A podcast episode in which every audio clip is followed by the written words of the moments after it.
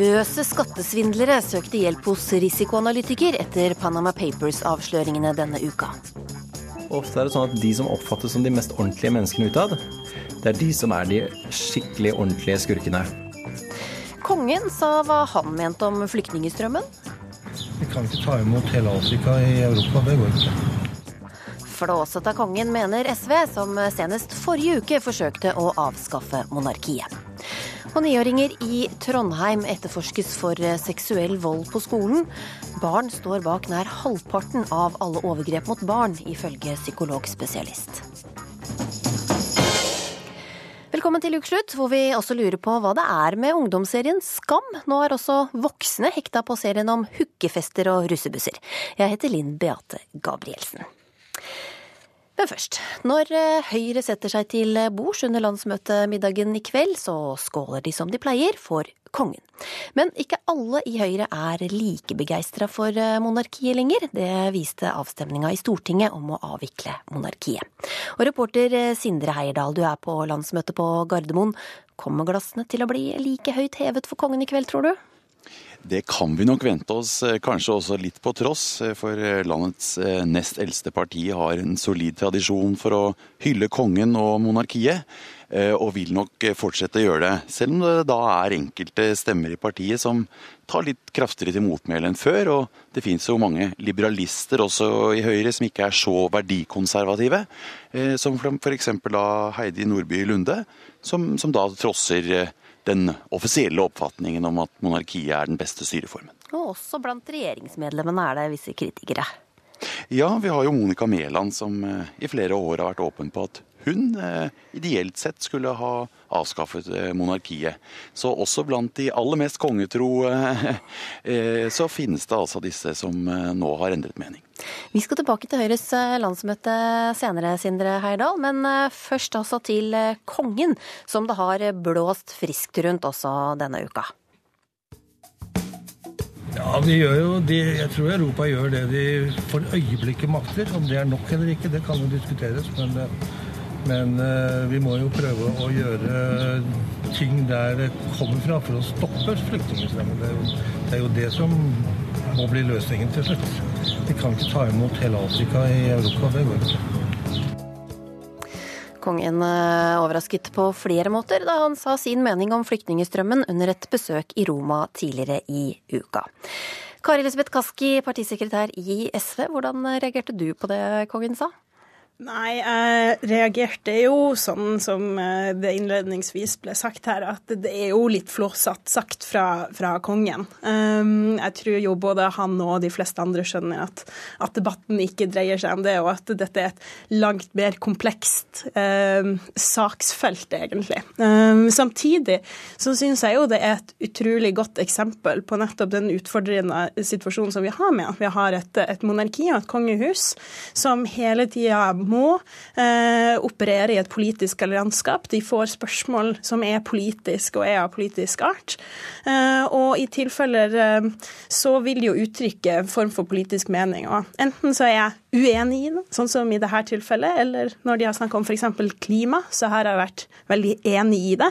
Eh, men den store forskjellen fra, fra land som har republikk, er jo at jeg ikke kan velge å stemme eller ikke stemme på vedkommende ved neste valg. Mm. Aina Stenersen, leder i Oslo Frp. Kong Harald sa også at flyktningene best kan hjelpes i eh, nærområdene, og det varmer vel et eh, Frp-hjerte? Frp har jo eh, programfestet i sitt prinsipprogram at vi ønsker å ha monarki. Sånn at uavhengig om kongen sier at han ønsker å hjelpe i nærområdene, som er FrPs politikk, så ønsker vi å ha monarkiet fortsatt i Norge. Men er det innafor det han kan si, det her?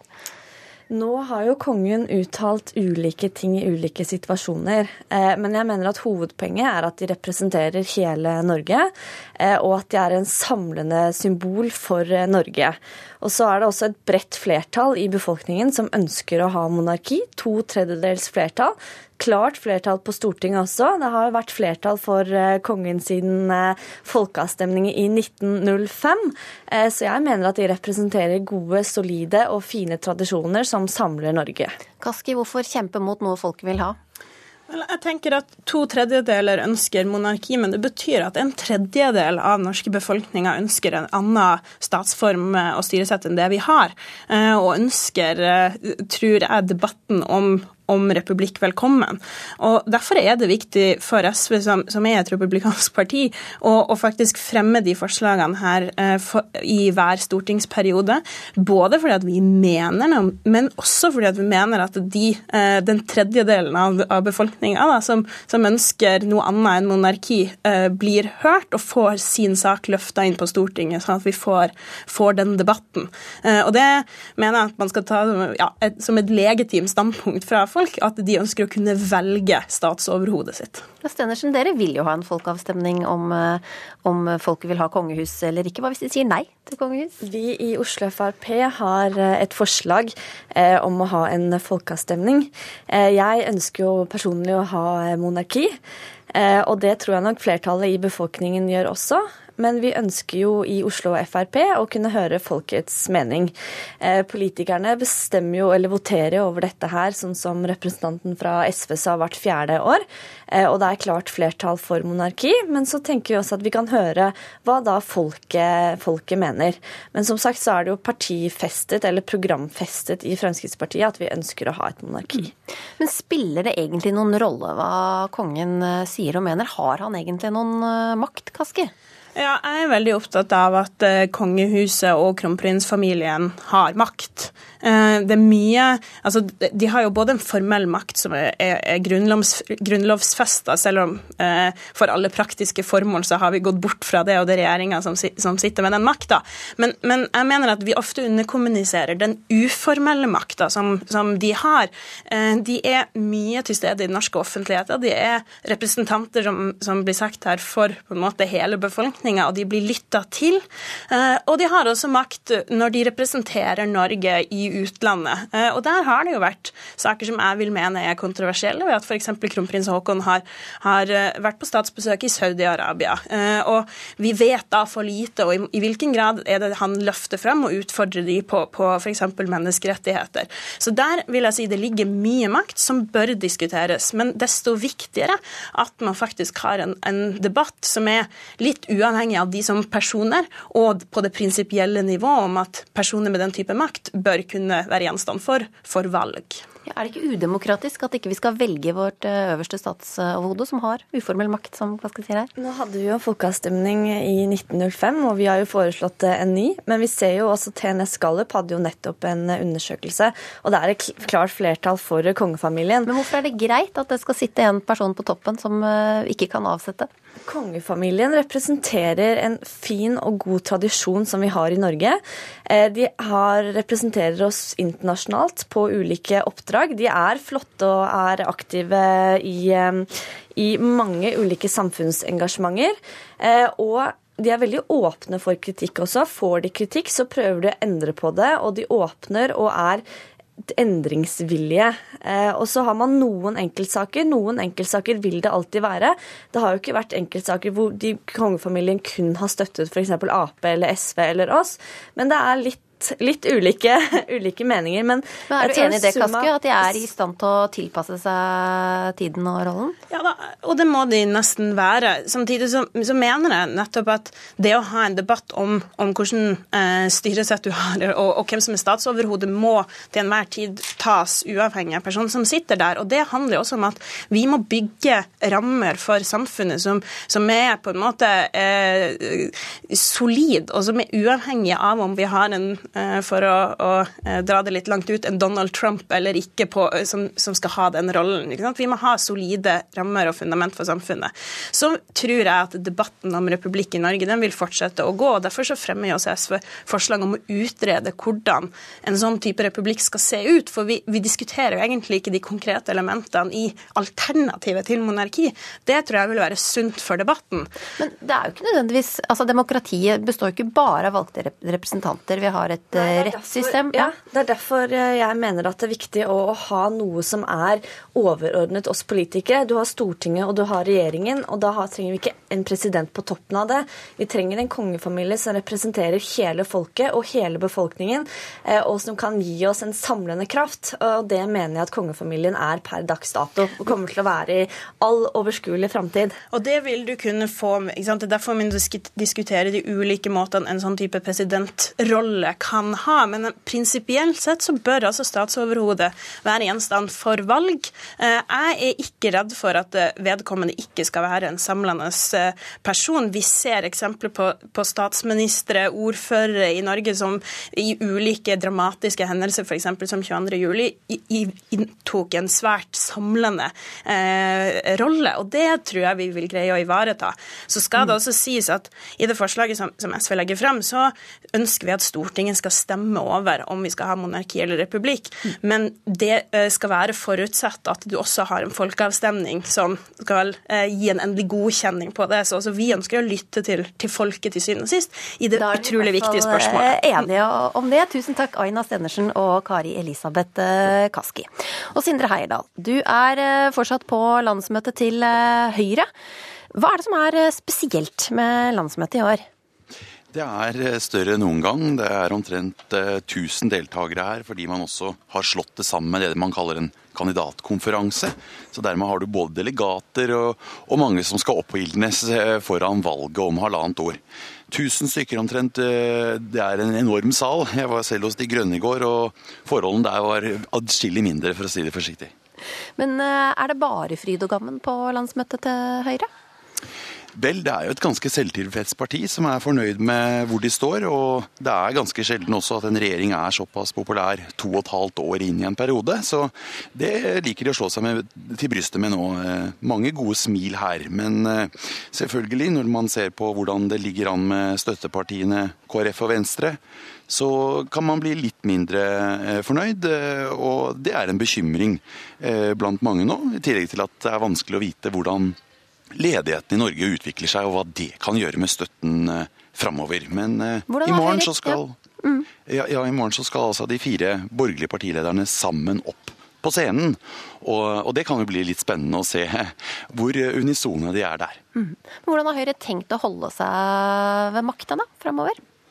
Ja, Det gjelder jo å prøve å, å, være der eh, ting utvikler seg. og Ledigheten og ledighetskrisen er veldig viktig for mange velgere. Det viste også NRKs undersøkelse nylig.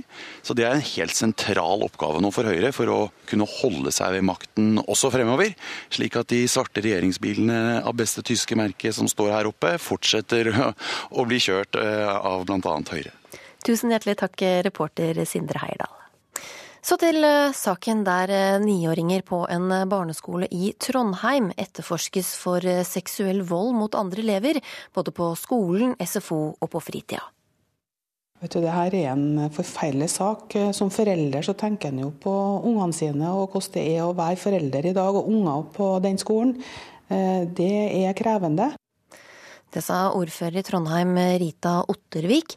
Men slike saker de er mer vanlig enn eh, man kanskje skulle tro. Mellom eh, en tredjedel og halvparten av alle overgrep mot barn er det andre barn som står bak. Erlend Moen, du er eh, seniorrådgiver i Trondheim kommune.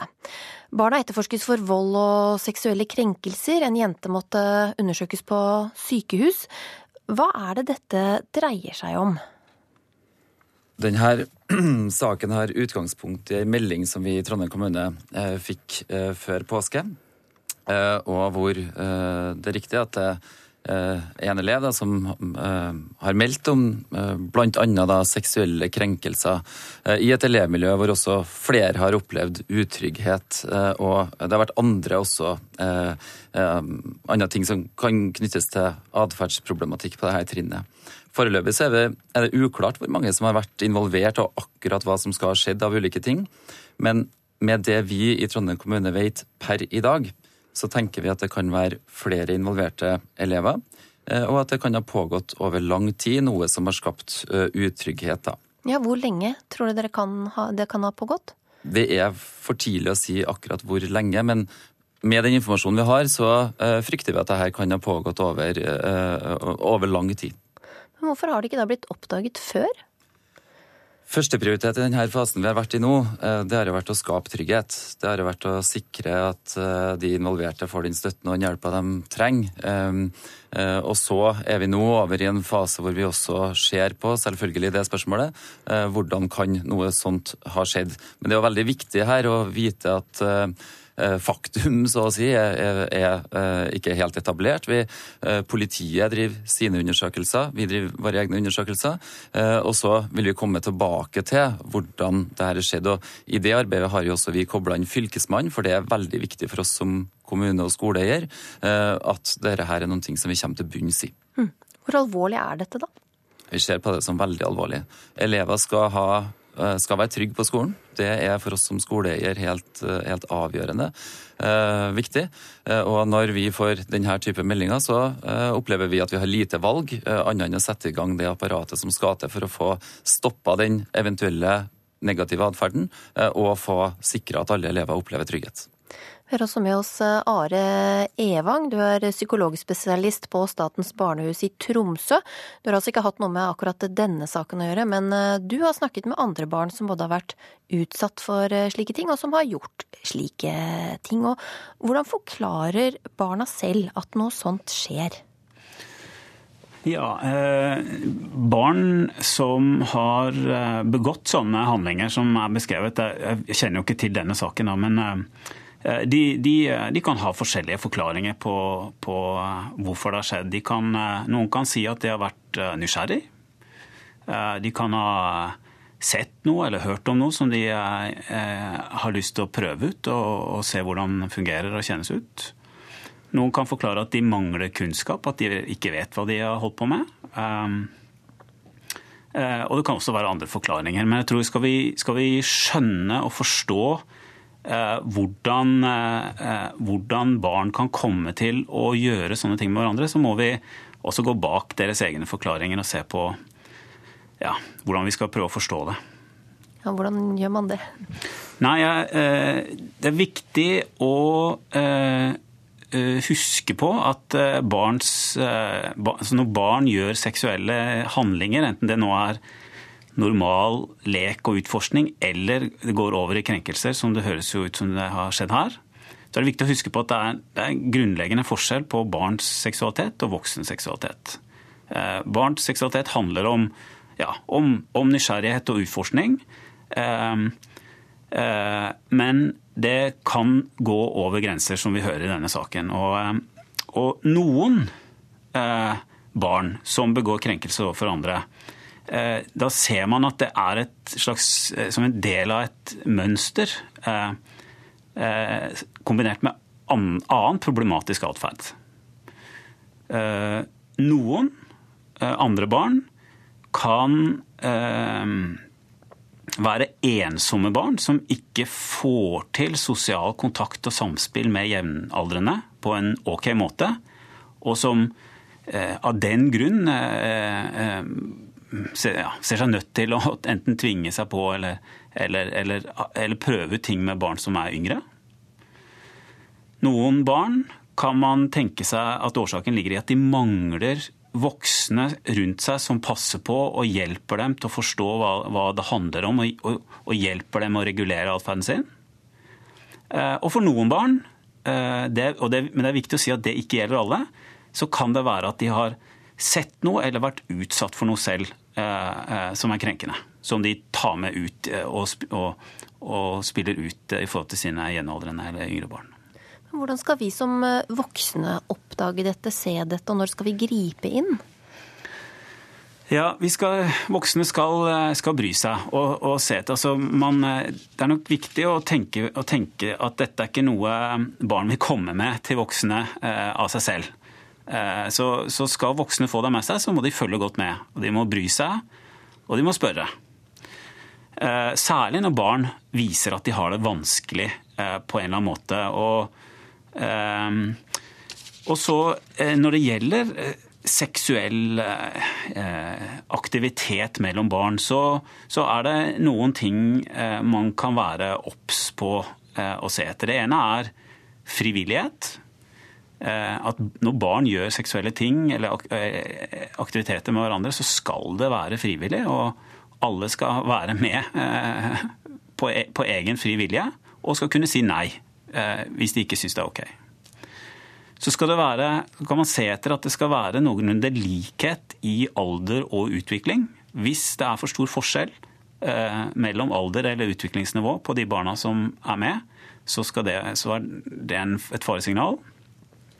Og så skal det være aldersadekvat atferd. Altså, hvis barn gjør noe som åpenbart hører hjemme i en voksen seksualitet, eller hvis de gjør noe som gjør vondt, eh, så, så skal man jo sette ned foten og, og gripe inn. Mm. Men det er også viktig at, å vite at seksuell lek og utforskning innenfor disse rammene her, det er vanlig, det er normalt, og kanskje til og med også nødvendig for at barn skal få en naturlig eh, utvikling av sin seksualitet. Takk skal du ha, Are Evang og Erlend eh, Moen. Hva, hva, slags tiltak er det dere nå har satt i verk for å trygge barna på denne skolen? Vi har satt i gang en del eh, strakstiltak eh, som handler om å sikre trygghet. Vi har økt bemanning, vi har eh, kompetent veiledning. Eh, eh, vi har noen spesielt fokus på en del områder i skolen. Både på skole og i SFO, skolevei, den type ting. Vi har satt inn ressurser knytta til oppfølging helsesøster eh, og også mange ressurser rundt skolen som bistår med samtaler og den type ting. Pluss at vi gir omfattende lederstøtte eh, til skolen, fordi dette er en meget krevende situasjon å stå i for hele skolemiljøet, eh, og, og også for ledelsen og de ansatte. Så det er et omfattende arbeid som da koordineres fra, fra Trondheim kommune. Vi, da, da, må jeg si tusen takk ja. til deg også. Jeg er Erlend Moen, seniorrådgiver i Trondheim kommune.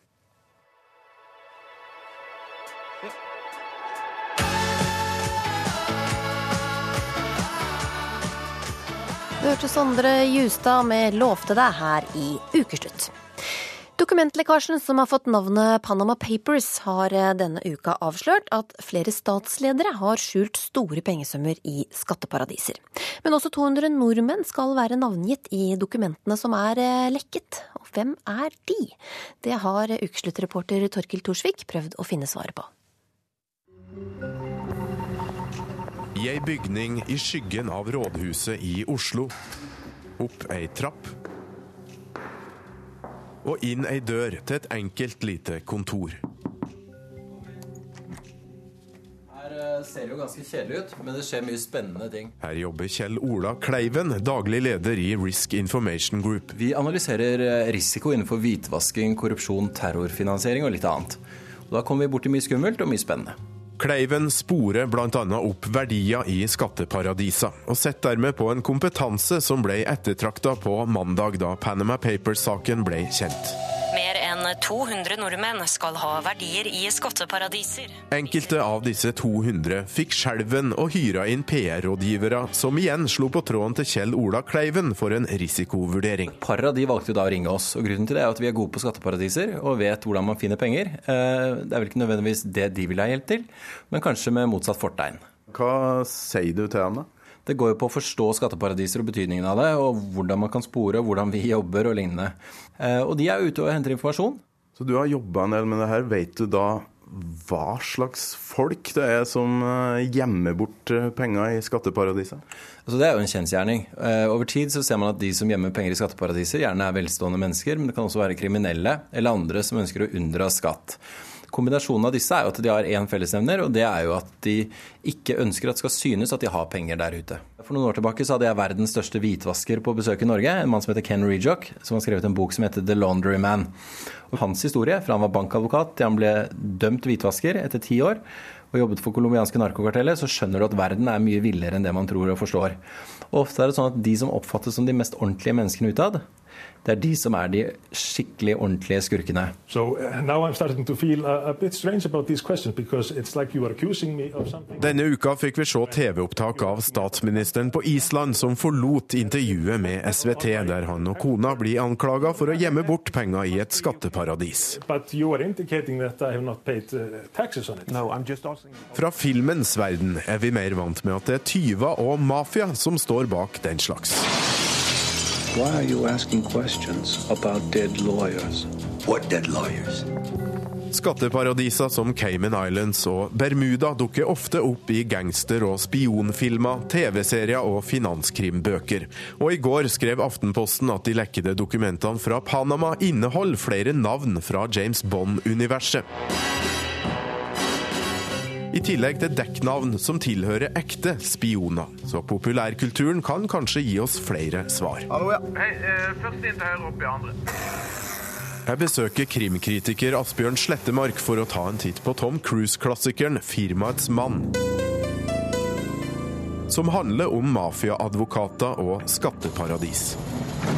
You think I'm talking about breaking the law? No, I'm just trying to figure out how far you want En, en klassiker som, som både thriller og pengefilm. Det er en av de få, en av de få filmene som har dette med å gjemme penger unna som, som hovedplott. Men flere skal det bli, for liker du en god thriller, kan kinosalen om kort tid bli stedet der du lærer mer om Panama Papers og hvem som står bak, tror Slettemark. Jeg blir veldig overraska hvis det ikke er en Oscar-nominert thriller om Panama Papers innen 2022. Altså, Det er veldig filmvennlig. Enten det er å, å ta på seg eh, sin mest luftige linskjorte og dra til Cayman Islands for å møte sin eh, sjuskete bankkontakt, eller dra til en sånn pompøst eh, hvelv i en bank i Sveits med bare et sånt kontonummer som du får ut eh, eh, pengene dine på, eller til bankboksen din. Um, og det, Akkurat derfor håper jeg jo at eh, noen norske filmskapere nå kan kaste seg over dette og få lagd en skikkelig god film om det som skjer på DNB sine styrerom eh, akkurat nå. Hvem er det de ringer? Hvem er det de tar kontakt med? Hvem er det de sendte alle disse brevene til der de advarte om at det skulle komme oppslag i pressen? Og hvem er det som nå sitter og håper at de skal få seg et skatteamnesti? For å komme nærmere svaret på nettopp det, besøker jeg en mann som har møtt flere av dem som skjuler verdier i eksotiske skatteparadiser. På Skøyen i Oslo bor tidligere finanstopp og Norges største finanskrimforfatter Tom Christensen. Her, ja. God dag, god dag. Hei. Torkil. Det er Tom. Kom hit, kom hit. Ja, det er her du Det er her jeg sitter og jobber. Nå har jeg akkurat skrevet siste kapittel på nye boka mi. Rett før du kom. Det er helt utrolig. Hva handla det om? Ah, jeg vet ikke om jeg vil snakke så veldig mye om den boka, da. Men uh, det har litt med det temaet vi skal snakke om i dag. Ja, For du skjønner hvorfor jeg er her? Ja, jeg skjønner hvorfor du er her. Disse investorene opererer med mangfoldige selskaper og banker i alle de mest kjente skatteparadisene. Grand Cayman, Panama, Belize Tom Christensen har funnet fram sin første bok, En kule, fra 2001. En av flere bøker han har skrevet som beskriver skatteparadisa og nordmenn som skjuler verdier. Altså, jeg gjorde jo veldig mye research på skatteparadiser. Eh, så mye at jeg altså skrev en eh, ganske lang artikkel om det i et økonomimagasin eh, på den tida. Har du møtt noen som, som har penger i skatteparadiset? Ja, det har jeg. Absolutt. Jeg husker jeg har også blitt bedt om å overføre penger til sånne konti. Da jeg jobbet i USA, så hadde vi en advokat som svært gjerne ville at jeg skulle sende honoraret hans til en konto i Cayman Island. Hva slags folk er det? Du, Det kan være all slags folk. Alt som, alle som har muligheter til å gjøre forretninger utenlands. Men det er jo ofte folk som har hatt mye penger mellom hendene, da. De 200 nordmennene i Panama-dokumentene kan altså være rike forretningsfolk, arvinger, hemmelighetsfulle spioner, kriminelle, ja kanskje også mafia. Ifølge Tom Christensen har alle til felles at de vil gjemme bort store verdier og unngå skatt, med god samvittighet. Dårlig samvittighet? Nei, tror jeg aldri har sett. Forbannelse og irritasjon over å bli oppdaget, det kan du helt sikkert se. Men uh, dårlig samvittighet tror jeg ikke. Det er mer redsel for å bli oppdaget og straffen.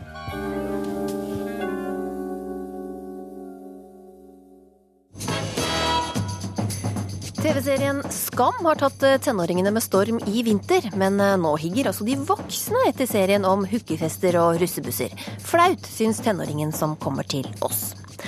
Og Per Sandberg ble barnslig sinna denne uka. I ukeslutt får han råd til å takle raseriet av verdensmestere i sinne, nemlig barn. Jeg bare jeg går ut av leken, og så går jeg et sted der jeg vil være aleine. Før det skal vi nå til eh, landsmøtet til eh, Miljøpartiet De Grønne, som eh, har vært preget av konflikter i ledelsen så langt. Og i dag ser det også ut til å være konflikt om strategiplanen de skal vedta. Og du er på landsmøtet, reporter Ann-Kristin Listøl. Hvordan preger dette landsmøtet?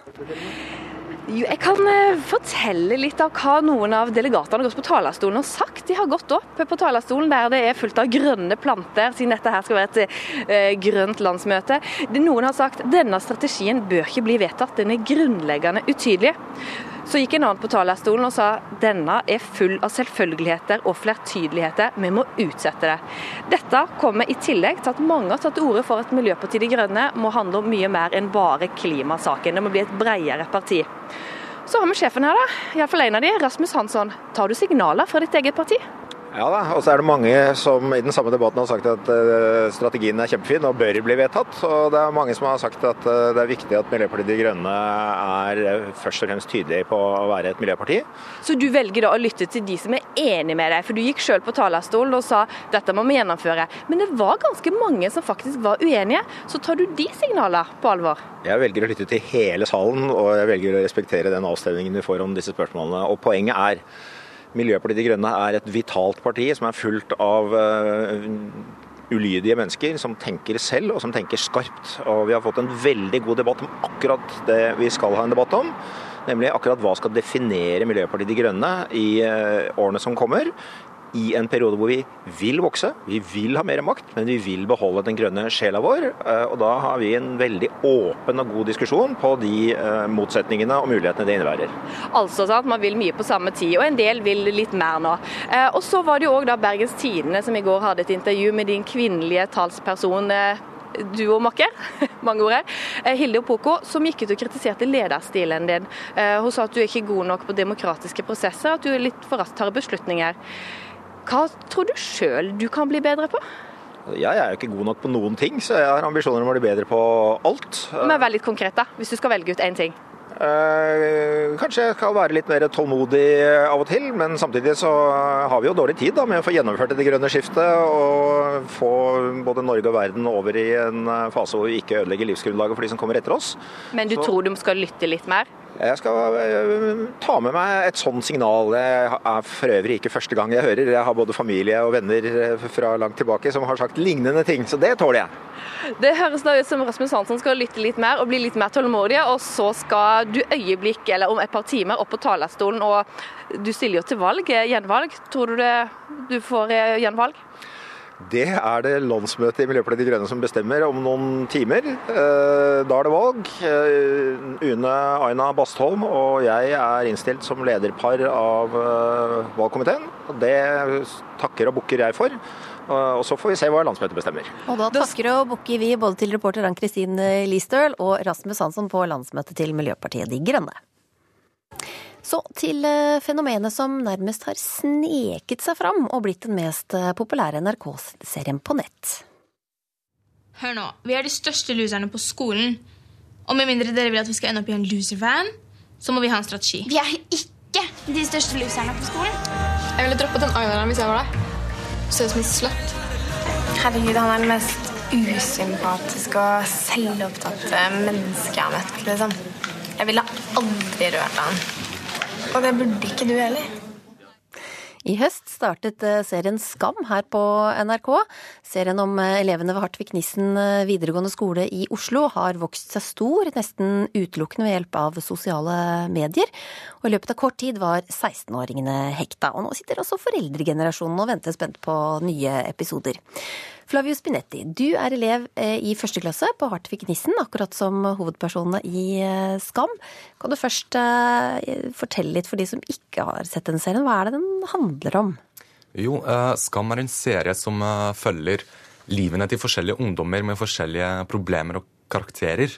Det er veldig spennende å se på, og ja, mange ungdommer har blitt hekta av det. Og ja, det er veldig morsomt å se på. Mm. Det er altså fem venninner som finner sammen på, på, videregående, samler seg rundt en russebuss, og så er det litt problemer i forhold til mm. kjærester og så videre. Um, kjenner du deg igjen i uh, denne serien? Jeg gjør det litt, fordi uh, problemene er jo uh, veldig vanlige problemer hos ungdommer. Men uh, det som ikke kjenner meg så mye igjen, det er hvor overdrevet det blir. Eh, det blir eh, For eksempel, når jeg ser på Skam, så tenker jeg hele tiden OK, så mye drikker ikke vi når vi er på fest. Så mye hooker ikke vi. Det er ikke så mye snakk om sex og sånt.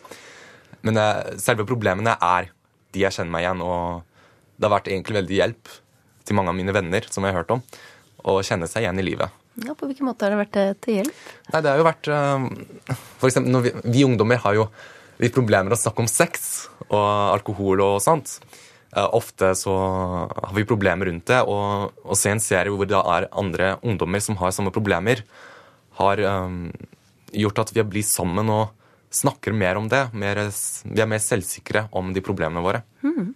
Og så er det mye snakk om eh, hooking her, og for de som ikke vet hva det er, kan du forklare hva det er? Hooking det er basically å kysse noen. og eksempel Hvis det er en hookefest, så er målet å finne seg noen og kysse den hele natta.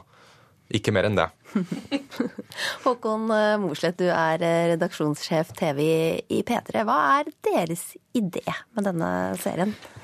Ideen er å um, lage en uh, serie som uh, 16 år gamle jenter trenger. En serie som ikke var der fra før, når Skam startet. Um, og, og Skam er jo noe mer enn bare ren underholdning. Den er også en serie som, som gir Som er ment å gi unge jenter uh, verktøy. Um, Og gutter òg, tydeligvis, som vi hører her.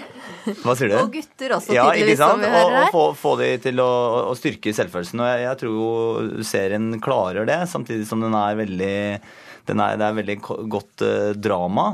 Eh, så, det, så det er en, en serie som er på, på flere fungerer på flere nivåer, da. Og så er det sånn at eh, NRK har laget denne typen serier egentlig i flere år. NRK Super har laget sine eh, nettrammer for barn. Og Skam er jo da en, en, står jo på skuldrene til serier som Jenter, Mia og, og Sara.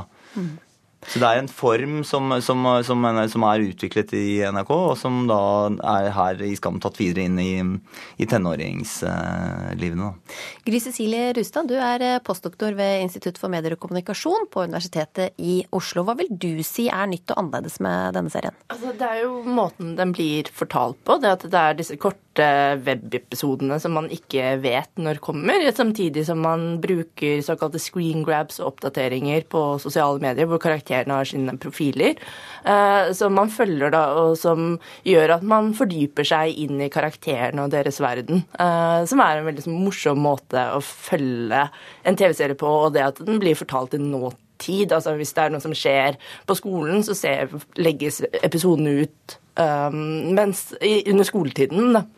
Mm. Eh, nå har jo også eh, voksne begynt å like denne serien. Hva tenker du om det, Flavio? Det er jo egentlig helt greit. Det er jo, jeg tenker i hvert fall det er en serie for alle, uansett hvis det er ungdom, eh, barn Kanskje barn ikke burde se det, da, men eh, i hvert fall også til voksne. Jeg har ikke noe problem med det. og Hva tenker du om at hvis f.eks. moren og faren din hadde sittet og sett på? Det, hadde, liksom, det er greit hvis de ser det, men hvis de skal begynne å snakke om eh, hva er det er som skjer i serien, og hva jeg føler om det, da, det liker jeg ikke. Det skal holdes til eh, meg og mine venner. Eh, Det som jeg ikke liker med at voksne ser det, det er når det er voksne kritikere. Ordentlige, fine kritikere som skal begynne å skrive alle disse Å, Skam meg så flink i dette, men Skam meg ikke flink i det. Det syns jeg er egentlig veldig teit. Mm, Vi ungdommer bryr oss ikke om hva kritikere tenker. Vi ser det fordi vi liker det. Ja, Rustad, eh, hvor- hvorfor treffer en serie om eh, 16-åringer og på hookefester eh, voksne? Altså, jeg har lyst til å omformulere spørsmålet litt. fordi Da jeg var ung i begynnelsen av 20-årene og elsket å se på The Sopranos, så var det ingen som spurte hvorfor jeg, en ung jente på 20 år, likte å se på The Sopranos, som handlet om en middelaldrende mafiaboss i USA.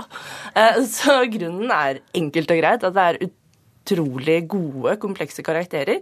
Eh, Og gode historier eh, som alle egentlig kan kjenne seg igjen i. Altså, jeg pleier vanligvis å si at Skam er en bra serie for alle som skal bli ungdom, er ungdom og har vært ungdom. Det er jo universelle problemstillinger som dukker opp, og, og mellommenneskelige mekanismer og relasjoner, og det angår jo alle.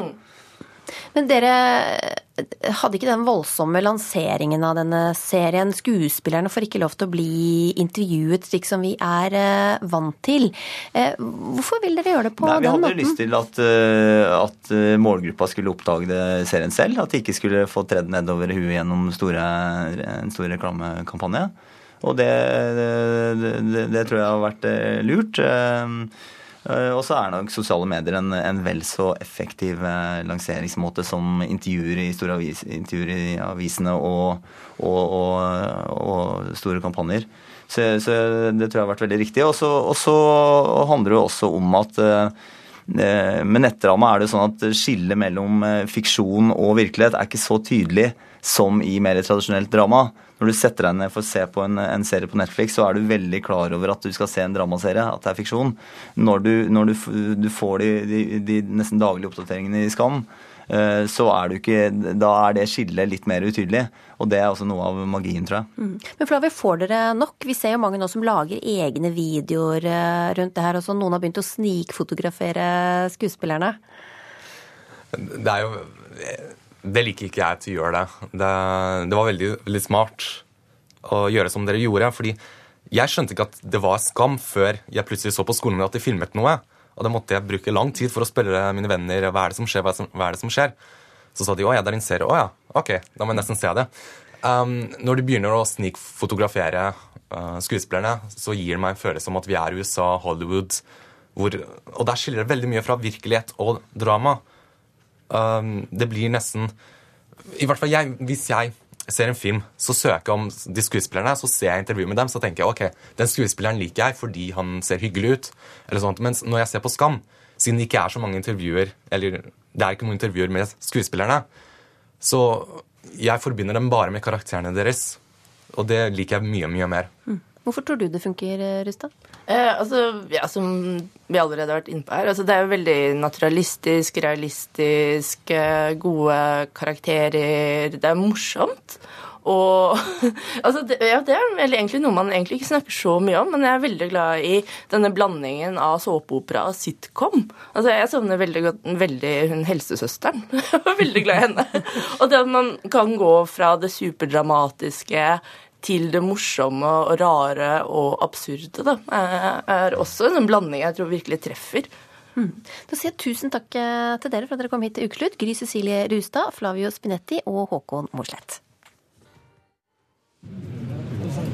Hva jeg snakka om på Gran Canaria? Hva har Fiskeribladet med det å gjøre? Jeg har ikke møtt Tøllefsen før Gran Canaria. Jeg har ikke møtt Tøllefsen etter Gran Canaria.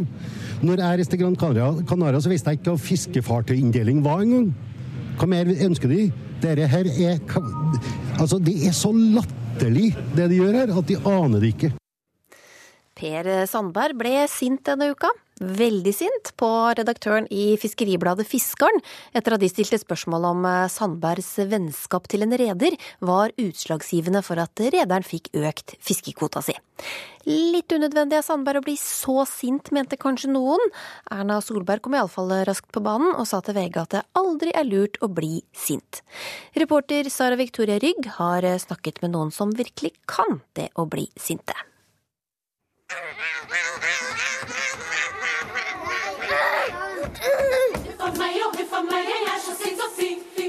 Du har hørt han før. Kanskje på butikken, ved middagsbordet eller på vei til barnehagen. Femåringen som ikke får det som han vil, og som gir klar beskjed.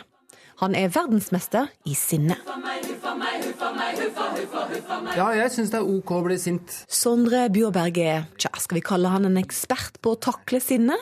Han er barnebokforfatter, førskolelærer, og du har kanskje sett han som mannen som gir gode råd i NRK-serien Verdens beste pappa. Sinne, det må anerkjennes, og det må tas på alvor. For hvis man ikke gjør det, så tenker jeg at det kan bare bygge seg opp og opp og opp. Og hva skjer da? Hvis du aldri får lov til å bli sinna, da kommer du til å eksplodere en gang. Vi burde være til stede når Per Sandberg blir sint, og på en måte hjelpe han gjennom det. Ja, jeg tenker det at hvis man er til stede og bare anerkjenner han, og klapper han litt på skuldra, så kan man også si det at jeg vet hva, jeg ser at du er sinna nå. Og det er helt greit. Du skal få lov til det. Dere her er Altså, det er så latterlig, det de gjør her, at de aner det ikke. Det kokte rett og slett over for fiskeriminister Per Sandberg denne veka. Det er så elendig journalistikk at det nærmest burde ha gått inn i komibøkene. vet du. Ikke sant? Det burde gått inn på Journalisthøgskolen som et eksempel på elendig journalistikk. Men han er ikke alene om å bli sint. Hør bare her på Håkon Lie. Spør en mann som Jens Christian Hauge om, om han kan gi deg svar på de spørsmålene dine, så vil han be deg ryke og reise til helvete. Betyr det at du vil ikke Og det vettet burde du ha også. Du veit ikke hva du snakker om. Og så har du klassikeren Liv Signe Navarsete. Jeg har brukt dager og netter jeg har, jeg, på denne saken her, og så skal jeg stå her og få kjeft. Og vi må ikke glemme da Knut Arild Hareide kvesser klørne. Men min tålmodighet når jeg hører det har hørt deg i løpet av dagen, den er meget liten. Du har begått en stor feil. Du har prøvd å beklage, og mitt tydelige budskap til deg er at nå er det nok, Per Sandberg. Nå bør du roe deg ned. Blir dere sint av og til? Ja. Når noen gjør noen ting som jeg ikke vil. Når jeg ikke får lov til det jeg vil. Vil du da ta det fra deg de høye hælene, eller?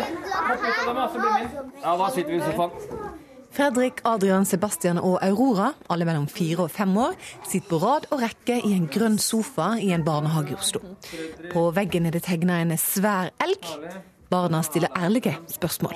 Er det ikke snart ferdig? Er det en mikrofon? Det er en mikrofon, ja. Hvisker dere sånn, sånn som dette her? Når dere er kjempesinna, så, så hvisker vi og sånn. Vi hvisker ikke. Men hva gjør du da? Jeg går et gang hvor jeg kan være helt i fred. Bare Aldri blitt så sinna at du liksom Å, Kom igjen, da! Jeg vil ha den tyggisen!